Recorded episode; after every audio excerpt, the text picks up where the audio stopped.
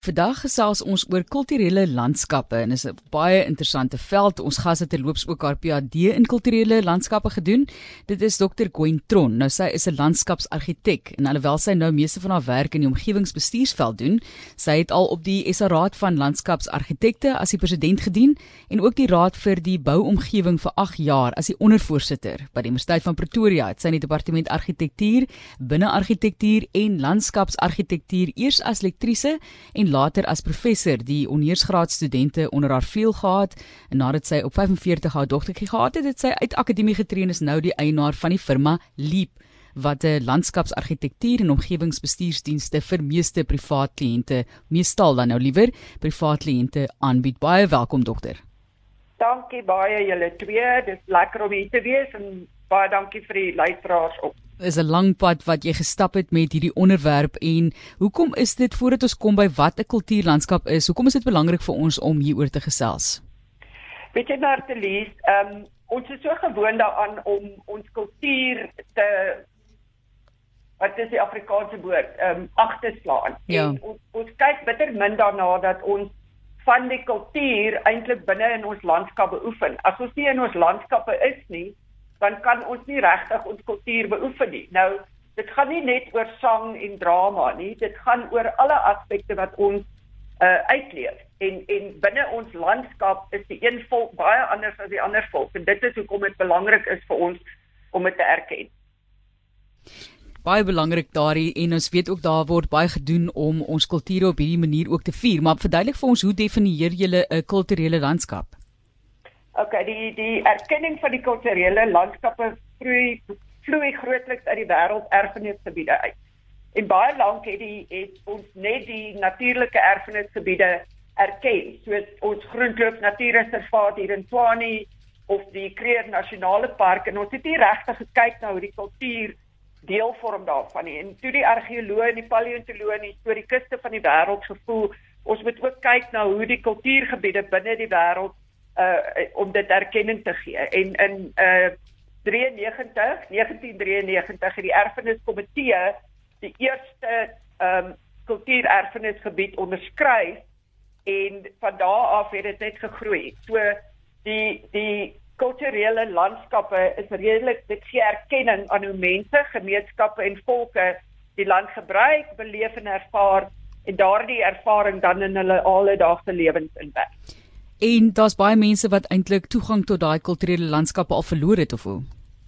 Dit is presies so, maar ons is gelukkig in Suid-Afrika dat ons vyf erkende wêreld of wêreld erkende kultuurlandskappe het en, en dit is die wieg van die mensdom wat natuurlik nou uh toeganklik is vir ons van van die Noordwes provinsie, Limpopo provinsie, Gauteng het ons eintlik baie maklik toegang daartoe. Ons het Mapungubwe wat Limpopo daar toegang toe het die Rigtersveld as ons noordelike provinsies uh die Noord-Kaap en en en so toegang toe het ons het Robben Eiland wat wonderlik is wat die wat die Kaapse mense toegang toe het en dan net ons nou natuurlik die Komani kultuurlandskap is. So ons is gelukkig in Suid-Afrika dat ons toegang daartoe het en dat dit vry oop is vir ons mense om te besoek. So daar's uh, vyf wêrelderkende kulturele landskappe binne ons grense vier is natuurlike gebiede en dan een wat as 'n gemengde gebied deur UNESCO erken word. Wat beteken daai gemengde gebied? Dis baie interessant want Maluti Drakensberg is die is die enigste een en en mens hoop eintlik as jy kyk dit hy is eers in in 2013 is hy erken. Ehm um, toe het die wêrelderfenis begin besef dat dat ons kultuur en ons landskappe kan nie van mekaar geskei word nie. Nou Die Maluti is natuurlik die bergreeks, maar dit is ook die grootste versameling van grotskilderye suid van die Sahara. So dit is 'n ongelooflike terrein waar ons dan beide die kultuur ehm um, vier en die landskappe vier. Nou UNESCO het ehm, 'n um, bepaalde definisie van kulturele landskappe. Hoe pas daai definisie in wil ek amper sê by Suid-Afrika en die interpretasie daarvan en stem jy saam met daardie interpretasie van hulle of is daar werk vir ons om te doen? Weet jy Johan, ehm um, daar is eintlik werk vir ons om te doen want as jy kyk na ons Afrika kulture en ons Afrika landskappe, ons kan nie regtig die mens skei van die natuur nie. Ehm um, ons lewe verskriklik na aan die natuur. Ehm um, en ons self ons ons die die die settlers wat hier in Suid-Afrika en oor Afrika ingekom het, het besef dat ons 100% afhanklik is van die van die land en en laat ons dit baie na aan die land moet lewe. So ek stem nie altyd saam of noodwendig saam met met UNESCO wat geneig is om kultuur apart te sien van natuur nie. Ehm um, so die as jy kyk na die Kaapse plantegroei streke in die Vredefort koepel kan dit as alleenstaande natuurgebiede erkenning kry, maar as jy praat van die mens kan ons nie apart staan van ons omgewing nie. Jy het bietjie vroeër daaraan geraak, dokter, maar kom ons gesels oor die wetgewing wat wel die landskappe beskerm. Ai, weet jy, uh, Martelies, ons is eintlik gelukkig en en jy sal jy weet met met praat baie daarvan dat die Suid-Afrikaanse wetgewing is eintlik fantastiese wetgewing, baie ver gevorder in die in die wêreld. Ons het die nasionale omgewingswetgewing wat dat die kulturele waardes erken Ons het die nasionale erfeniswet waar daar 10 verskillende kategorieë is wat erfenis erken. Dan het ons ook die wêreld erfenisgebiede wet wat natuurlik fokus op die spesifieke werklike uh, die uh, areas wat erken word. En dan het ons ons provinsiale en munisipale wetgewing wat ook op verskillende vlakke erkenning gee aan die kulturele bewaring en bestuur. En die verbinding tussen daardie gemeenskappe, dit is so belangrik vir ons om ons kulture met mekaar te deel en van mekaar te leer op 'n manier. Is daar genoeg van daardie verbindings, daai koneksies wat mense maak? Ai, weet jy, ehm um, Martelies, ons het as jy kyk na die verskillende volke, almal neem deel aan dieselfde praktyke. Ons almal beweeg deur die landskap, ons almal eet, ons almal bly in een of ander skuilings. Ons het ons kies 'n maat, ons kuier saam, daar's reëls vir verskillende ouderdomsgroepe, daar's kalenders, ons hou kalenders, ons dans, ons speel en so gaan die lys aan en ek het ek het in die in die studies wat ek gedoen het omtrent 120 gebruike geïdentifiseer wat deur alle volke oor die wêreld beoefen word. En al hierdie gebruike of kenmerke word binne die konteks van die verskeie volke se landskappe gedoen. So as jy kyk byvoorbeeld na na Swaziland, die die koninkryk van Eswatini, is daar 'n vallei, die Eselweni vallei wat tyd van Mbabane lê. En daar is waar die koning en die koningshuis gevestig is. En die Nyonyani berg vorm die westelike grens van hierdie vallei. En dit waar die koningshuise hulle afgestorwenes begrawe. En dis 'n berg.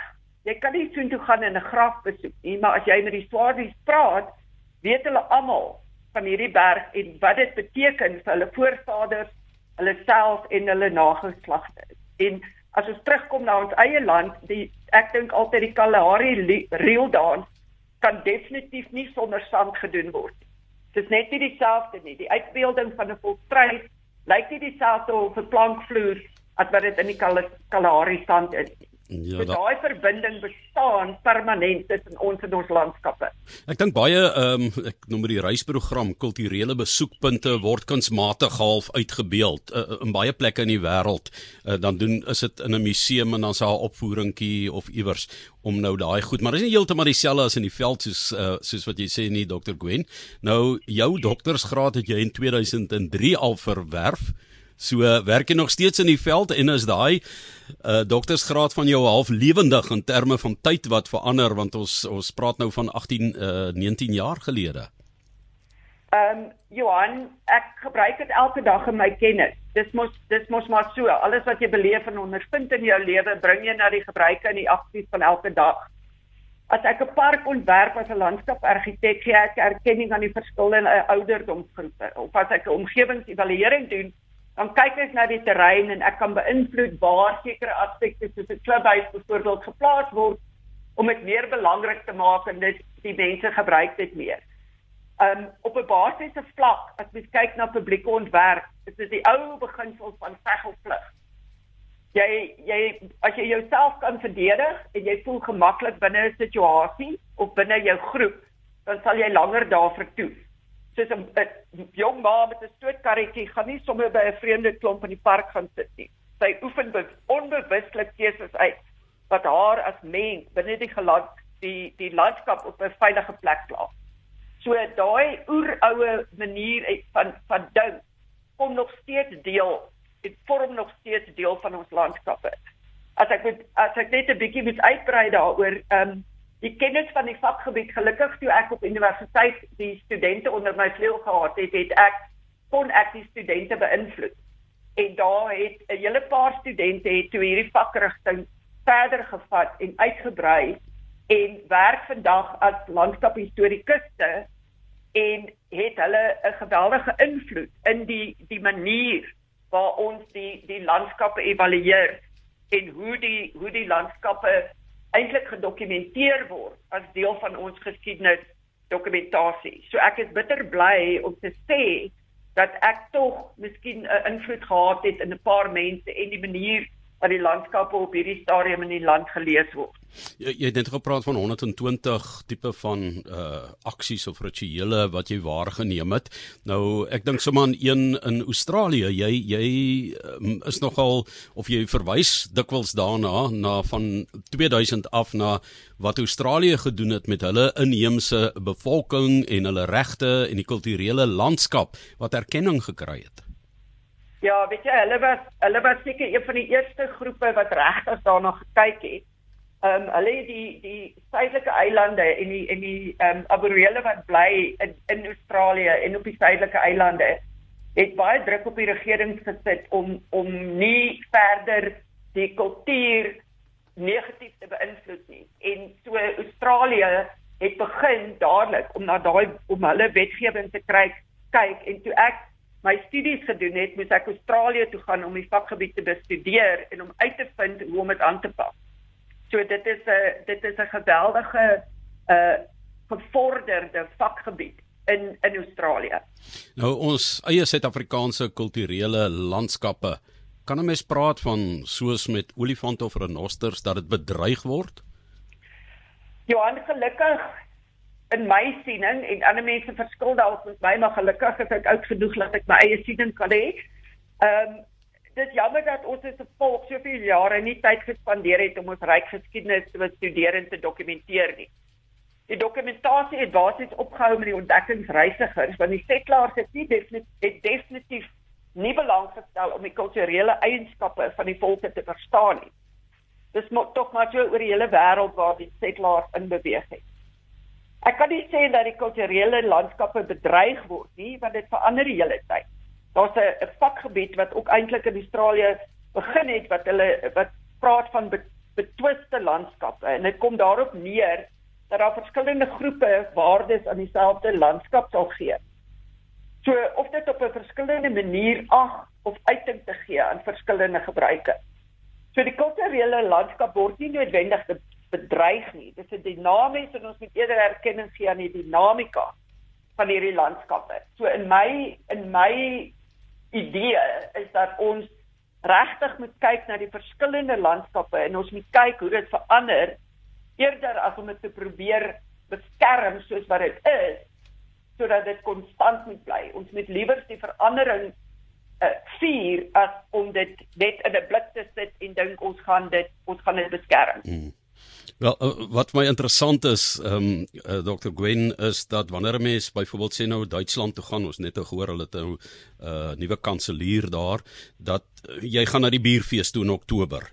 En dis deel van die die Beierse tipe kultuur, jy weet wat daar ehm um, inslag vind. By ons het ons byvoorbeeld die Kalahari, maar daar's wat ek probeer sê is daar's monetêre waarde ook aan hierdie kulturele landskappe, hè, vir besoekers, vir geld van buite.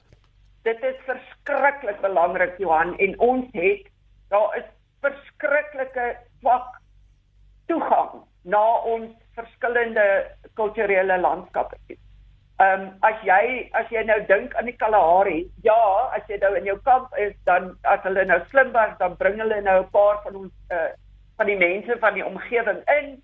Hulle trek hulle hulle jeans en hulle T-shirts uit, jammer vir die Afrikaans en dan trek hulle hulle volksklere aan en hulle doen 'n paar dansies. Maar die die die werklike toegang na die na die berg as jy gaan loop saam met die saam met die mense in die Kalahari of jy gaan uh in in die in die tekeninge in wat wat in die Maluti berge dan daar is dis amper onmoontlik om daar te kom. Daar's miskien een of twee mense wat die wat die storie ken en en wat jy lank voor die tyd moet toegang na te kry, maar ek voel ons Suid-Afrikaanse kultuur wat in die landskappe deel vorm kan 100% beter 300% beter benut word om om die monetêre waarde daarvan daarvan uh, te versterk.